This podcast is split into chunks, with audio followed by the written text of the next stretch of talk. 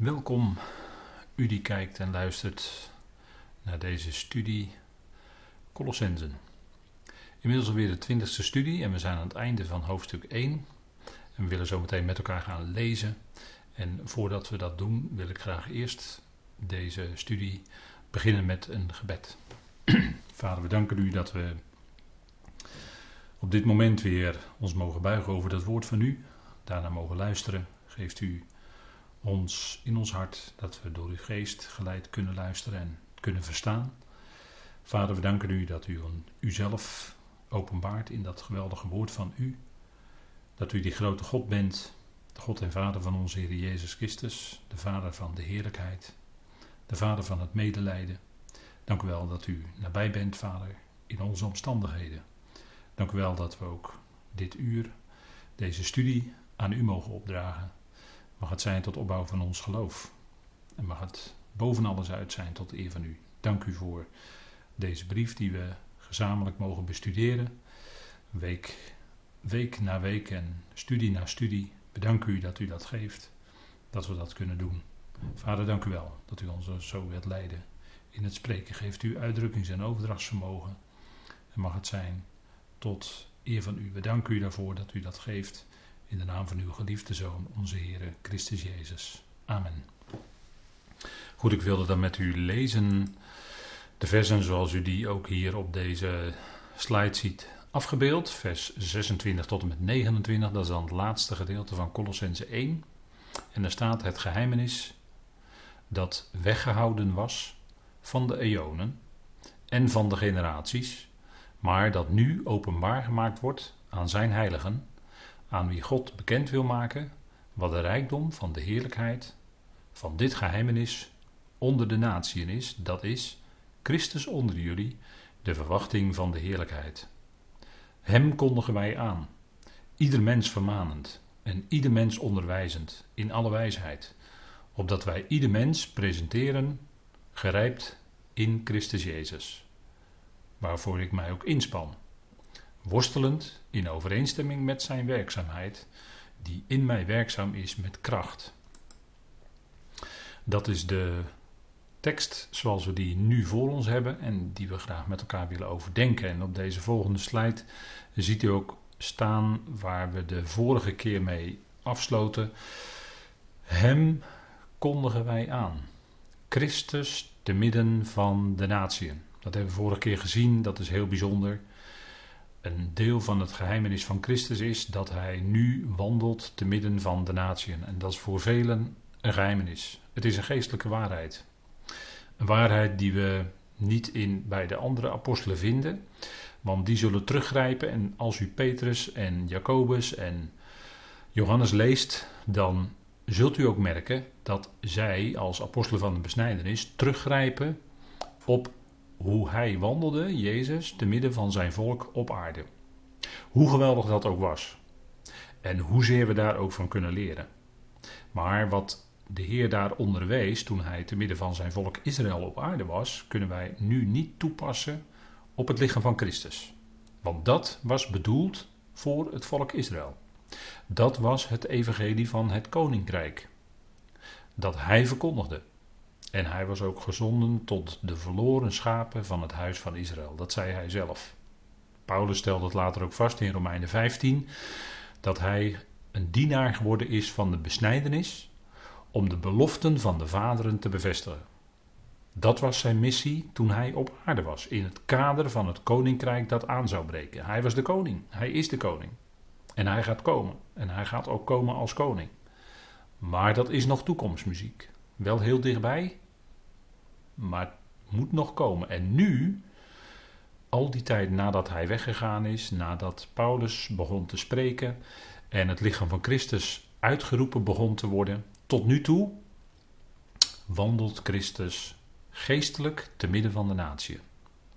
Dat is wat Paulus zegt in Colossense 1. En dat is onderdeel van het geheimenis van Christus. Daar is hij al mee bezig vanaf hoofdstuk 1, vers 9. En het loopt helemaal door tot tot en met hoofdstuk 2, vers 7. Dus we zitten in al die aspecten die dan klinken, zitten wij midden in dat geheimenis van Christus. En dat werd zo geopenbaard aan Paulus, zoals het daarvoor niet was geopenbaard, niet was onthuld. Dat zegt hij in Efeze 3. In dat moeilijke stukje, vers 3 tot en met 6. Daar zegt hij dat het geheimenis, waarvan hij tevoren in het kort schreef, dat is Efeze 1, vers 10, dat alles onder dat ene hoofd gebracht wordt.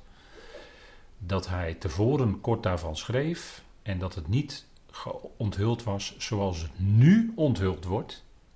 Namelijk dat Christus, het geheimenis van Christus, zich ook uitstrekt naar de hemelse regionen. Dat ook de hemelse machten en krachten met, in verzoening met God gebracht zullen worden. En daar heeft het lichaam van Christus een hele belangrijke functie. is een essentiële schakel samen met Christus. Dat is het geheimenis van de Efezebrief ook. Het heeft alles te maken met het lichaam van Christus. En in Colossense, daar waarin de Efezebrief het nadruk ligt op het lichaam van Christus, waarvan Christus natuurlijk het hoofd is, lees maar het einde van Efeze 1, ligt in Colossense de nadruk op dat Hij, Christus, het hoofd is van alle overheid en macht. En dus ook het hoofd is van de uitgeroepen gemeente. Maar daar ligt veel meer zijn nadruk op dat Christus het hoofd is. Daar ligt meer de nadruk, hè, in Colossense, ligt, Colossense 1 ligt veel meer de nadruk op de enorme hoge positie van Christus, wie hij is. Hij is het hoofd van alle overheid en macht. Hij is het hoofd van de uitgeroepen gemeente. Hij staat aan de top van alles. En dat geldt, dat omvat ook hè, die verzoening, die in Colossense 1, hè, dat hebben we uitgebreid met elkaar gezien. Die verzoening omvat die hele schepping. Niet alleen de mensen, maar hemelen en aarde. Dus ook de hemelse machten en krachten. Paulus zegt ook dat het zichtbare en het onzichtbare in de zoon van zijn liefde geschapen werd. En dat ook dat zichtbare en dat onzichtbare, dus die hemelse machten en krachten, wederzijds met God verzoend worden door de zoon van zijn liefde. Er staat heel duidelijk door het bloed van zijn kruis. En er staat er twee, twee keer in Colossense 21 door hem. Hij is het middel. En dat is nodig dat gelovigen dit geheimenis van Christus goed leren kennen. En het punt is dat als je kijkt in die afgelopen 2000 jaar, in de geschiedenis van de gemeente, en wat, als ik het wat groter trek in de kerkgeschiedenis, dan zie je eigenlijk dat dat oorspronkelijke evangelie zoals Paulus het bracht, heel snel los is gelaten. De genade, kern van dat evangelie is genade, werd losgelaten al heel snel. Vandaar de gelaten brief. Tijdens Paulus' leven al moest hij daarop schrijven en moest hij daarvoor waarschuwen dat men de genade losliet. Paulus schrijft dat ook in zijn eerste brief aan zijn opvolger Timotheus. Het eerste hoofdstuk begint hij met dat er zijn die willen leraars van de wet zijn. En dat wijkt af van de genade. Paulus was een leraar van de genade. Essentieel in zijn evangelie is de genade van God. Overstromende genade. Daar waar de zonde toeneemt, daar stroomt de genade over. Dus wordt de zonde groter, dan blijkt de genade groter, nog groter te zijn. Daar dat, dat, is, dat is altijd, hè, de genade van God is altijd groter dan de zonde. Die zonde kan daar niet tegenop. De genade is groter. En dat is eigenlijk iets wat direct, hè, als u dit hoort, moet u dat direct in uw hart vreugde geven. En de apostel Paulus die wijst die Corinthiërs erop dat zij het zo zouden vasthouden zoals het aan hen door Paulus was verteld. 1 Korinthe 15. En dat zegt hij daar natuurlijk in het kader van het feit dat onder die Corinthiërs waren er die uh, niet geloofden in de opstanding. Of die zeiden, hè, de, later had je ook Hymenaeus en Philetus, die zeiden dat de opstanding in het verleden al plaatsgevonden, dus in de toekomst niet meer. Beide is koud vuur.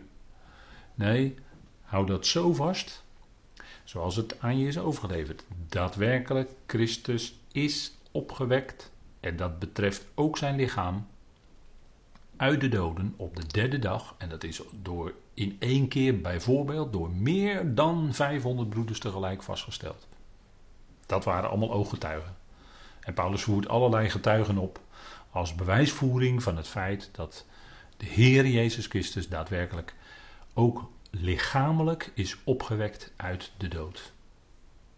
En de Corinthiërs, aan het eind zegt Paulus, in, een beetje tegen het einde van het hoofdstuk 15, dan roept hij ook die vraag op die ook leefde bij de Corinthiërs. Ja, met wat voor lichaam komen die mensen dan als ze opgewekt worden? Daar heeft Paulus dan uitgebreid antwoord op. Maar het is nodig dat je je niet laat afbrengen van de werkingskracht van het evangelie dat Paulus brengt.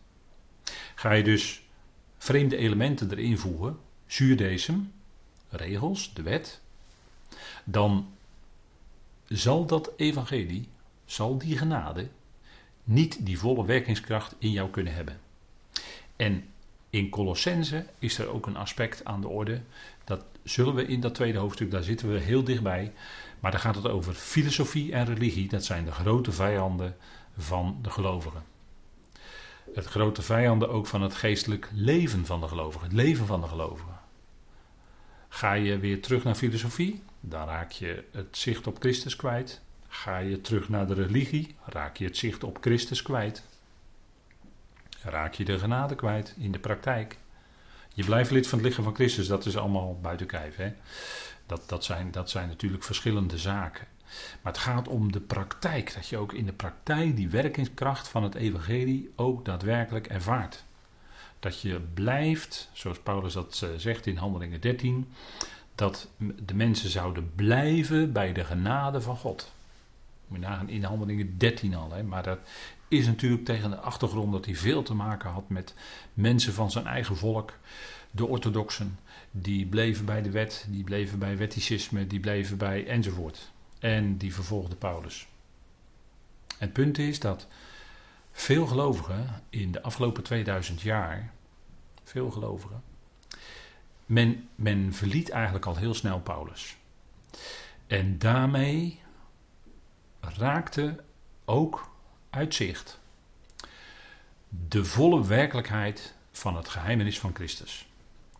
Dat, het niet alleen, dat hij niet alleen koning der koningen op deze aarde zal zijn, maar dat hij ook boven die hemelse machten en krachten onder zijn voeten zal brengen. Regeren. En de gemeente is bedoeld om te regeren met Christus.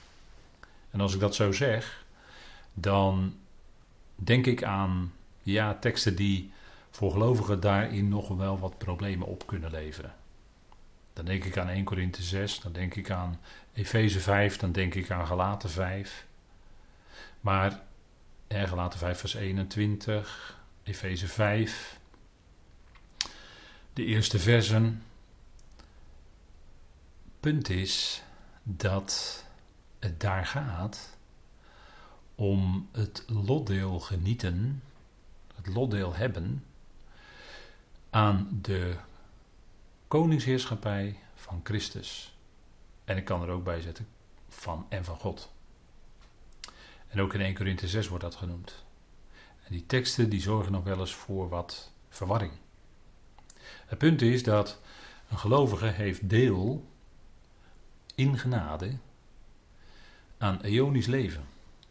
De gelovige ontvangt, als hij tot geloof komt, onmiddellijk de zekerheid van het eonische leven. Dat is een genadegeschenk. En ik zei ook daarnet al, daar waar de zonde toeneemt, daar stroomt de genade over. Ben je lid van het lichaam van Christus, dan blijf je dat altijd. Dat kun je niet kwijtraken. En in het verlengde daarvan wil ik er gelijk aan toevoegen, en dat is een belangrijk punt, dat ben je eenmaal lid van het lichaam van Christus, dan ben je in genade gered. En die genade, die kun je niet verspelen. Dus ieder lid van het lichaam van Christus, die gelooft dat Jezus stierf en opstond, dat is, dat is het enige wat Paulus zegt in 1 Thessalonicense 4, als je al een voorwaarde zou willen noemen, maar dat geloof, dat ontvangen wij ook van Vader. En ieder die gelooft dat Jezus stierf en opstond, die zal ook deel hebben in naar 1 Thessalonicense 4 aan het moment van de bazuin van God. En nu worden in die drie teksten die ik noemde een aantal grove zonden genoemd, onder andere. hoererij, onreinheid en, en noem maar op, hè, echtbreuk en, en, en zaken. En daarvan zegt Paulus dat zulken, als die in zo'n levenswandel volharden, dan zullen zij geen lotdeel hebben in het koninkrijk van God, van Christus en God. En wat bedoelt hij dan? Dan bedoelt hij, kijk, een koninkrijk, daar wordt geregeerd. het woord koning veronderstelt regeren. Dat is ook het Griekse werkwoord, regeren. Een koning oefent heerschappij uit, regeert over een gebied. De koningsheerschappij van Christus en God is straks ook weggelegd voor de gemeente die het lichaam van Christus is. Maar nu zegt hij in zijn brieven dat, een, en dan noemt hij een aantal zonden, en dan zegt hij degene die zich daar mee bezighouden en daarin volharden, dat die geen deel zullen hebben in de koningsheers, geen lotdeel moet ik zeggen. Het woord lotdeel wordt in die drie teksten nadrukkelijk gebruikt. Die zullen geen lotdeel hebben in de koningsheerschappij van Christus en God. Ze zijn gered. Ze gaan met de Heer, ze gaan met iedereen mee bij de bazuin. Alleen boven blijkt dan dat diegenen geen deel zullen hebben in het regeren met Christus. Die zullen wat anders doen. Die zullen niet met hem regeren. Dat is het verschil. Kijk, het is een essentieel verschil. Hè? Aan de ene kant zeggen we, kijk, die, dat Ionische leven is een genadegeschenk. Leest u maar in Romeinen 6, vers 23. Of leest u maar Titus, de eerste verse. Of Titus 3, vers 7. En zo kunnen we vele schriftplaatsen noemen hoor. We zijn in genade geredden. En daar waar de zonde toeneemt, daar stroomt de genade over. Dat is, in, dat is in deze tijd het geval. En dat geldt zeer zeker voor alle leden van het lichaam van Christus. Ieder lid van het lichaam van Christus zal met de bazuin van God de Heer ontmoeten in de lucht. En gaat mee. Dat is, dat is ieder lid hoort erbij. Hij, hij zal niet een lid kunnen amputeren, om het zo maar te zeggen. Als we in dat beeld van het lichaam blijven spreken. Een ander punt is. Kijk, dat eonisch leven in de, leven in de komende eonen is een genadegeschenk voor ieder lid van het lichaam van Christus. Dat staat recht overeind, dat staat buiten kijf. En daarnaast spreekt Paulus over lotdeel genieten in de koningsheerschappij van Christus en God. Of in het koninkrijk van Christus en God. Zo, zo je het zo wil vertalen. Dat is boven. En er zullen dus zijn die dat niet zullen doen. Dat zegt Paulus in die teksten. 1 Korinthe 6 vers 9. Efeze 5, de eerste verse. Galaten 5 vers 21. Dat is heel duidelijk hoor. Precies in alle die teksten wordt precies gesproken over lotdeel genieten in de koningsheerschappij van Christus en God. En dat is iets anders dan het eonische leven als genadegeschenk hebben ontvangen, want dat blijft altijd staan voor alle leden van het lichaam van Christus. En daarom zegt Paulus ook in 2 Timotheus 2 dat indien wij volharden, zullen wij ook mede regeren. En indien wij ontrouw zijn, hij blijft getrouw, want zichzelf verloochenen kan hij niet. Zichzelf logenen kan hij niet. Dat is luid en duidelijk. En ook daar zien we dat Paulus, 2 Timotheus 2, de, de, de versen 10 tot en met 13, een beetje die koers. Daarvan zegt Paulus heel duidelijk en maakt hij onderscheid tussen het regeren met Christus en het feit dat hij ook trouw is. Dus dat, en, en daarmee geeft Paulus aan, dat betekent dat ieder lid van het lichaam van Christus daar altijd lid van blijft. Dat lidmaatschap kun je niet verspelen. Dat is onmogelijk. Je bent verzegeld met de geest van de belofte, de heilige. Dat zegel kun je niet verbreken. Kun je niet breken of verbreken. Dat is onmogelijk. En ik hoop dat, hè, we gaan er wat dieper op in. En ik wil daar in de nabije toekomst eens een apart onderwerp, studie, apart een keer dit, dit punt behandelen. Wat ik nu in een, ja, even in kort aan u weergeef. En ik hoop dat u dat mee kunt nemen als ik dat zo even snel uitleg. Maar ik wil daar binnenkort nog een apart onderwerp, een apart studie aan wijden, zodat hij als een apart onderwerp uh, altijd weer laten terug te luisteren is. En het punt is dat uh, in het kader van het lidmaatschap van het lichaam van Christus hebben we het hier in Colossense 1 over, ja, hem kondigen wij aan, Christus te midden van de natieën, en dat is met een bepaalde bedoeling. Paulus verkondigt Christus niet alleen als redder, waardoor mensen tot geloof komen, dat is dan evangelist, zijn evangelistfunctie, maar nu je gered bent, blijft Paulus Christus verkondigen. Christus blijft centraal staan. Christus is de verheerlijkte Heer Jezus aan de rechterhand van God. En die, die, daarvan spreken we vaak kortweg aan met de titel Christus. En dan bedoelen we degene die verheerlijkt is aan de rechterhand van God. Paulus die blijft Christus verkondigen. En er staat hem kondigen wij aan. dat is een, ja, dat is een bijzonder iets. Hè? En als we kijken op de volgende slide, dan dat woord aankondigen, dat woord bestaat uit twee Griekse woorden. Het eerste woord is kata, dat ziet u daar staan. Dat betekent neer, hè, dat is een beweging naar beneden. Er wordt iets neergelegd als het ware. En angelo, en dat is, dat is bijna het Engelse woord angel, hè, eh, wat wij kennen als engel. Hè, dat klinkt ook bijna zo. Engel betekent een boodschap brengen. Angelo, dan het werkwoord. Hè? Dus uh, een boodschap brengen. Dus een engel is eigenlijk een boodschapper. Nou, angelo is een boodschap brengen, berichten. En kata is neer. Dat woord wordt gebruikt en dat vertalen we dan met het trefwoord aankondigen. En elke keer als we dat vertalen, dan uh, elke keer als dat woord aankondigen in de concordante vertaling staat, dan weet u dat daar het Griekse woord katangallo onder zit. Een bericht of een boodschap neerleggen.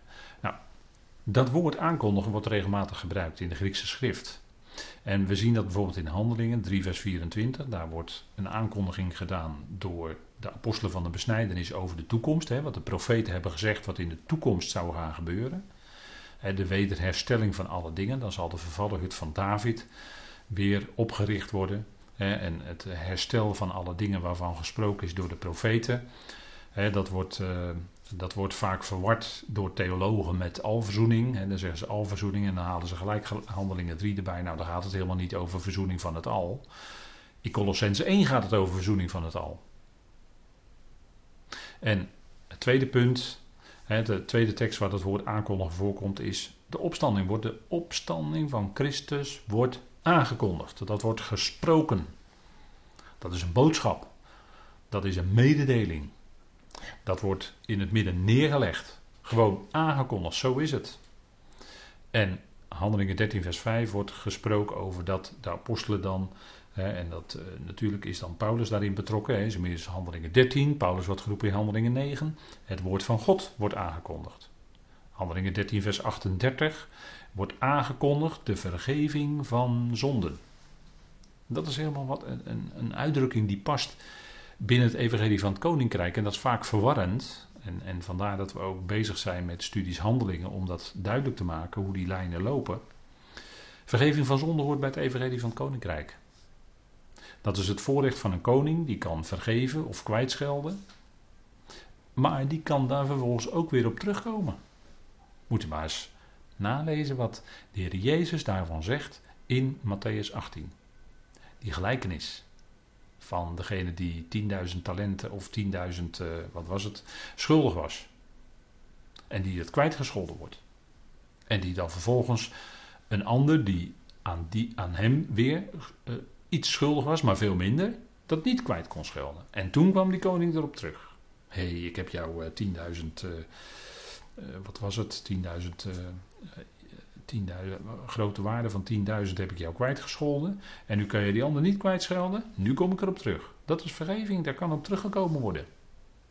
En genade, genade van God, als God genade schenkt, daar kan, niet, kan die nooit op terugkomen. Dat is onmogelijk. Dat, dat is juist de essentie van genade. Je krijgt het als een vrij geschenk. We hadden het net over eonisch leven.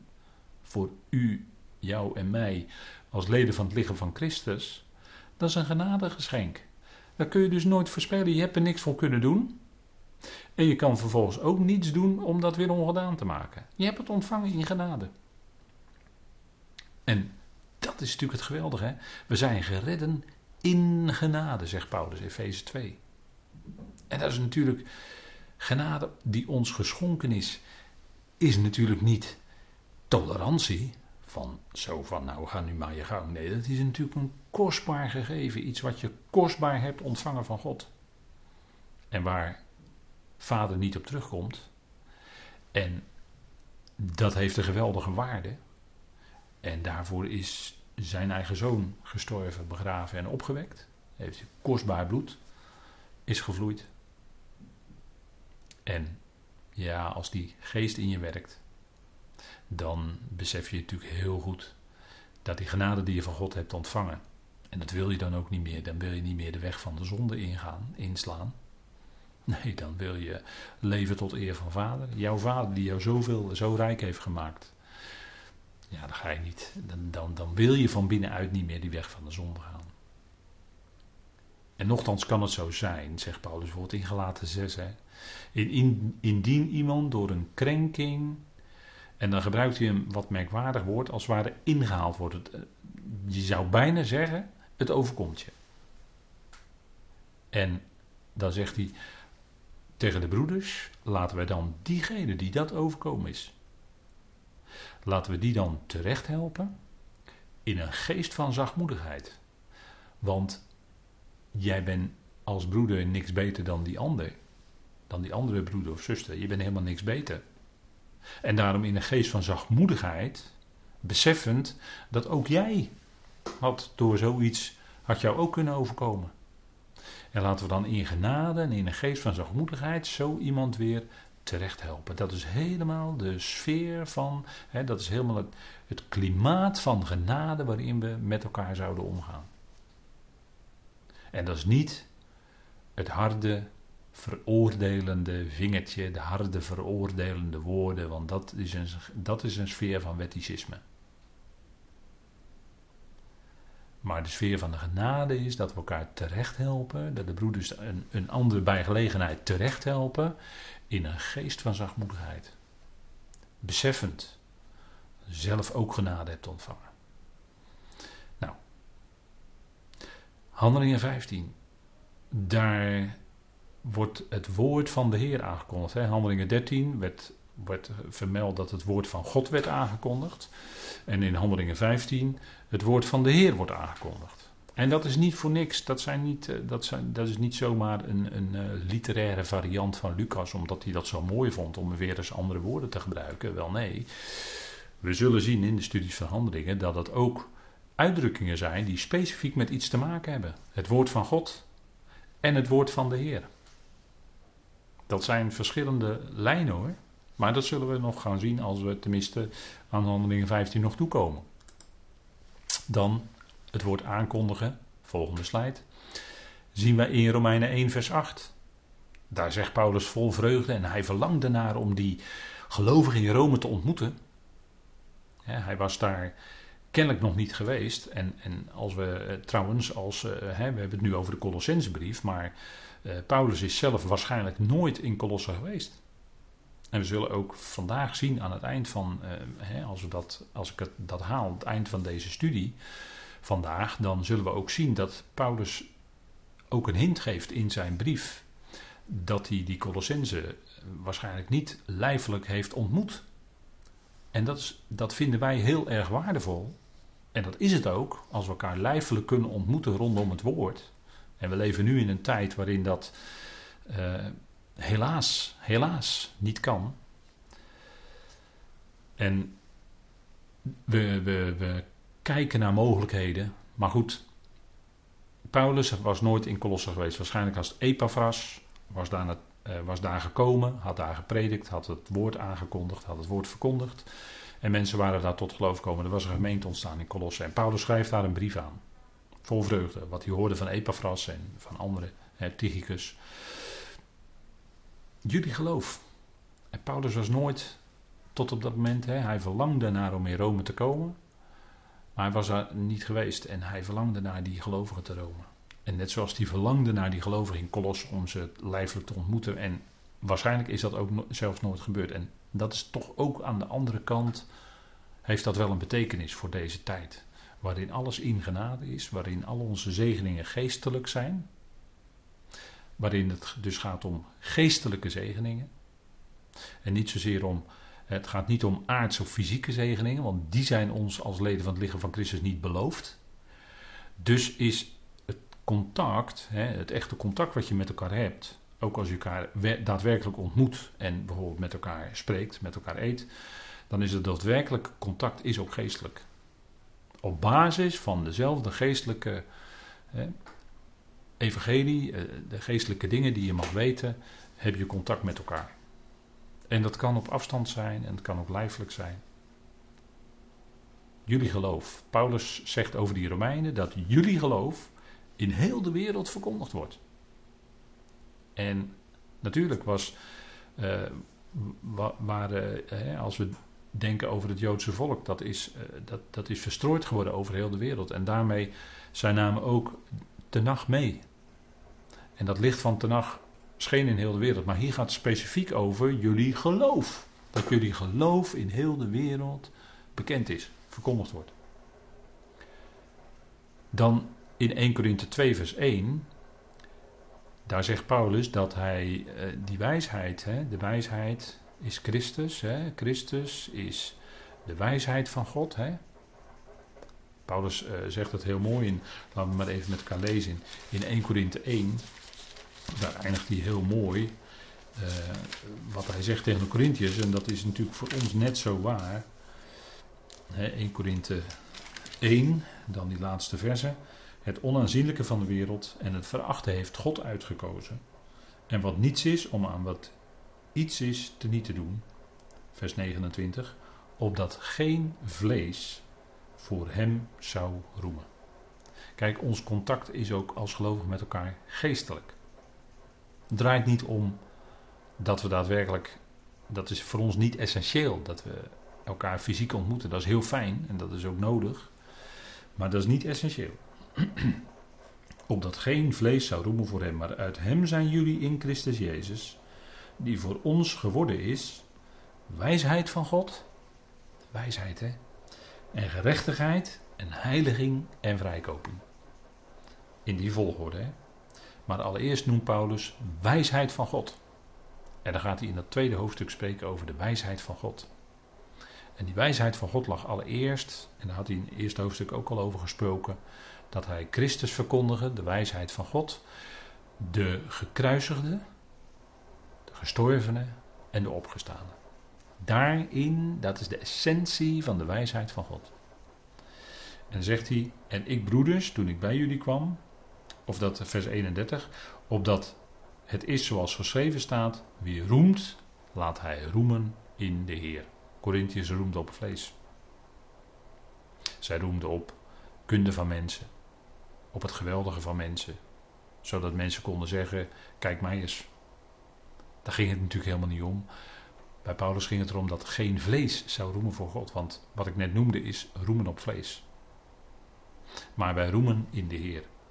Wie roemt, laat hij roemen in de Heer. En dan zegt hij in 2 vers 1: En ik, broeders, toen ik bij jullie kwam, ben niet gekomen om jullie met voortreffelijkheid van woorden of van wijsheid het getuigenis van God aan te kondigen. Daar hebben we het woord aankondigen weer, daarom lees ik het. Het getuigenis van God aan te kondigen. En nu zit daar een punt, en ik wil er niet een te zwaar punt van maken hoor, daar gaat het helemaal niet om. Maar er staat hier het getuigenis van God. En nu zijn er andere teksten, Griekse teksten, die zeggen hier het geheimenis van God. En in het Grieks, die woorden geheimenis en getuigenis, die lijken wel veel op elkaar. Dus een verschrijving is heel is heel uh, voor de hand liggend. Maar goed, de belangrijkste teksten die wij kennen, die hebben het woord getuigenis, dus dat laten we staan. Maar ik denk wel eens, misschien moet hier staan, om jullie met voortreffelijkheid van woorden of van wijsheid het geheimenis van God te verkondigen. Want ik had mij voorgenomen niets anders onder jullie te weten dan Jezus Christus en die gekruisigd. En dat is natuurlijk de kern waar het om draait. De dood van de Heer. Hè? En dat is ook wat eh, in 1 Korinthe 11, vers 26 staat. Hè, dat als, uh, als gelovigen samenkomen en ze eten samen en ze drinken samen. En vaak in het Midden-Oosten ging dat ook met, uh, met wijn erbij. En dat is nog steeds zo in Oosterse landen. Hè. Dan is het wel wijn met niet zo'n hoog alcoholpercentage, meestal hele lichte wijn van 3 of 4 procent. En er werd dan bij de maaltijden vaak rijkelijk geschonken. Wijn, en dan zegt Paulus, als jullie bij elkaar komen, en in die, tijd, dat noemen we dan van, dat noemde men in die tijd agape-maaltijden, dus liefdesmaaltijden, waarin mensen, bij, eh, gelovigen bij elkaar kwamen, ze aten en dronken met elkaar. heel gebruikelijk in het Midden-Oosten. Als je bij elkaar komt, eet je met elkaar, drink je met elkaar. Heel gebruikelijk, nog steeds. Als je echt in het Midden-Oosten komt, dan is een van de eerste dingen, kom binnen, eten. En dat is ook een uitdrukking van gemeenschap. Als je aan dezelfde tafel zit en je eet met elkaar, dan doe je dat gemeenschappelijk. En dan druk je daarmee uit dat je het leven met elkaar deelt. En natuurlijk voor de gelovigen is het nog veel op een veel hoger niveau dat je het leven van Christus met elkaar deelt. dan, dan vertaal je dat als het ware gelijk in een hogere waarheid. Dat is het leven van Christus, dat je dat met elkaar deelt. En Paulus zegt dan: telkens als jullie samenkomen, dan kondigen jullie aan de dood van de Heer. Want jullie schenken wijn. En dat wat in de beker gaat, dat is, dat is eigenlijk een uitbeelding van bloed. En dat bloed, het is eigenlijk een dubbelbeeld. Het, het, dat, dat wat in de beker geschonken wordt, de wijn, is eigenlijk een, een, een, een type van het bloed van de Heer. En het bloed van de Heer zelf is weer een type van zijn lijden en sterven. Vandaar dat Paulus ook zegt in 1 Corinthië 11, vers 26. Als jullie bij elkaar komen en er wordt geschonken, dan, is, dan kondigen jullie aan de dood van de Heer. Let op, de dood van de Curios, hè? De Curios. De machthebber. Degene die het voor het zeggen heeft. De Heer, de Heer Jezus Christus. Zijn dood kondigen jullie aan en die liefde ook waarmee hij dat gedaan heeft dat gedenk je dan met elkaar. in het, in, eh, als er dan brood rondgaat en brood wordt gebroken, dan, dan is dat altijd een herinnering. Dat, is, dat is niet per se een bepaald. Uh, er was toen de tijd niet een bepaald uh, instelling, een bepaald ritueel of wat dan ook. Wel nee, ze aten gewoon met elkaar. Ze kwamen bij elkaar en er werd met elkaar gegeten en gedronken. En zegt Paulus: Herinner je dan en er waren wantoestanden, ook bij dat eten en drinken bij de Corinthiërs. En dan zegt Paulus, herinner jullie je dan wat de Heer voor jullie gedaan heeft? En, en als je dan bij elkaar komt als gelovigen, ga dan in die gezindheid waarin de Heer met zijn discipelen, met zijn later apostelen, met zijn discipelen, in die gezindheid, waarmee de Heer met zijn discipelen dat laatste Pessagmaal hield, houden jullie dan, als jullie maaltijd met elkaar hebben, doe dat dan in die gezindheid. Dat is eigenlijk waar 1 Corinthe 11 over gaat. Hè? En kijk, de dood van de Heer uh, is natuurlijk hetgeen wat het heil bewerkte. En natuurlijk is hij ook de opgestaan, hè? hij is de Curios. Peter zegt ook in Handelingen 2 dat God hem in de opstanding tot Heer en tot Christus heeft gemaakt. Deze Jezus, zegt Petrus dan, die ik jullie predik, dat is, dat is zijn Heer. En in Filippenzen 1, en dan springen we naar de volgende tekst, want anders gaan we daar te lang over door misschien. Maar Filippenzen 1, vers 16 en 18, dat is dat Paulus, die werd zelfs door andere predikers, eh, werd er zo gepredikt.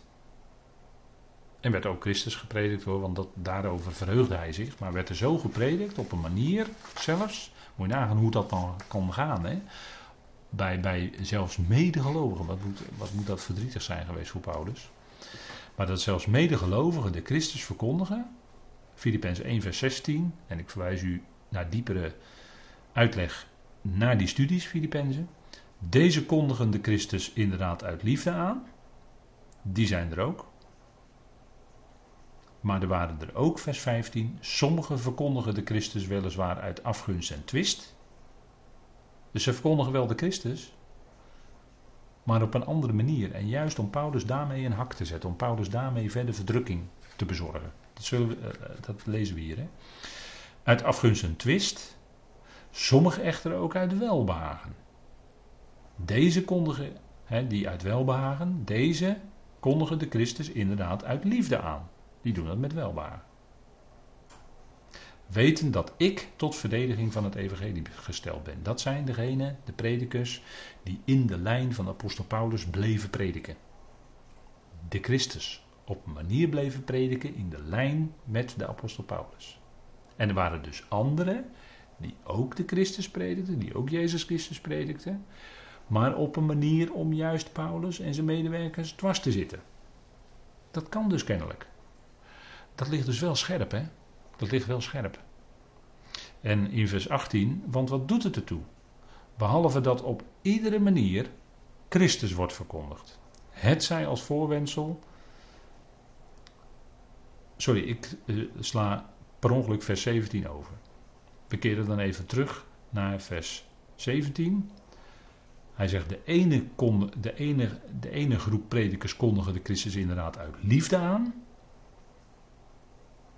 In de lijn van Paulus. En vers 17 zegt dan: de anderen echter uit partijschap. Niet zuiver. Veronderstellen verdrukking op te wekken in mijn boeien. Ziet u hoe ze bezig waren? Ze predikten. En zelfs dat prediken kon dan op, kennelijk op een manier. En het gaat dus om de motieven. Het gaat om de motieven. Waarmee predikten zij dan? Ze prediken wel Christus. Maar op een andere manier, van een hele andere kant bekeken. Vanuit een hele andere benadering. Expres dus. Want er staat hier niet zuiver. Er zaten andere bijbedoelingen bij. Er zaten andere motieven in het hart terwijl ze predikten. Dat kan. En daarmee veronderstelden ze zelfs verdrukking op te wekken in zijn boeien. En Paulus was al geboeid, was gevangen. En ze wilden Paulus in de, ook zelfs in gevangenschap wilden ze hem nog even verder wegduwen, wegdrukken, onder druk zetten. Zo waren ze bezig. En het is natuurlijk die strijd, hè? daar zullen we het nog over hebben ook. Die strijd. Want wat doet het ertoe? En hier zien we weer hoe Paulus vaak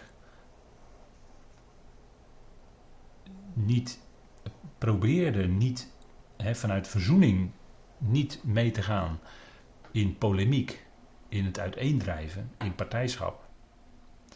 En hè, dat, dat hebben we bijvoorbeeld ook een tijdje teruggezien eh, toen we spraken over eh, Romeinen 14, sterk en zwak.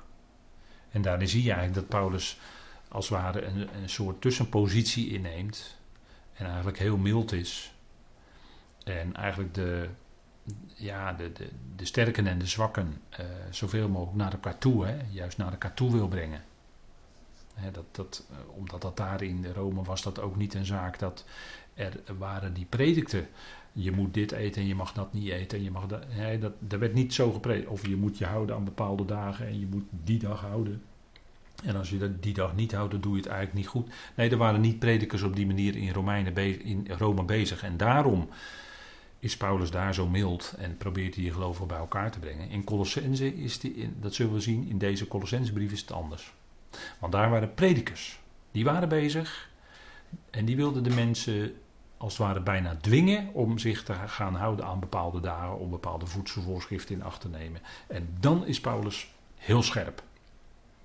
En dan spreekt hij ook eigenlijk die leraren, die verkondigers, spreekt hij aan. Maar dan, dan, ja, dan, is het, dan gaat het op scherp van de snede. Nou, hier ook is Paulus eigenlijk, ja, waren, het waren weliswaar wel predikers, maar Paulus is hier dan toch ook wat milder.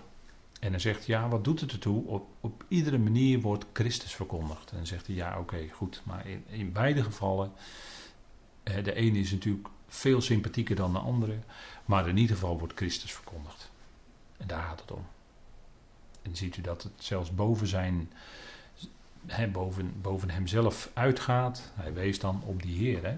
Op iedere manier wordt Christus verkondigd. Het zij als voorwensel, het zij in waarheid. En daarin verheug ik me en zal ik me ook verheugen. Dus niettemin verheugde Paulus zich over het feit dat Christus werd verkondigd. Kennelijk werd Christus door beide groepen, om het zo maar te zeggen, verkondigd en had het zijn basis ook in de schrift en uh, werd het werk van Christus kennelijk ook door beide partijen recht gedaan. En daar verheugde hij zich in. Dat is genade. En zo kon hij ook in genade Zelfs met die andere predikers die geen zuivere motieven hadden, die een voorwendsel hadden, zoals het hier in vers 18 staat. Daarin was die mild. Dat is de mildheid van de genade. En eh, dat is niet slapheid, maar dat is de mildheid van de genade. Terwijl Paulus natuurlijk, als het erop aankomt, weten we heel goed. En u ziet hier uh, plaatje theater in Efeze. En zo was ook Paulus' leven en is ook ons leven eigenlijk een theater, een theatron. Dat woord wordt dan gebruikt in Korinthe.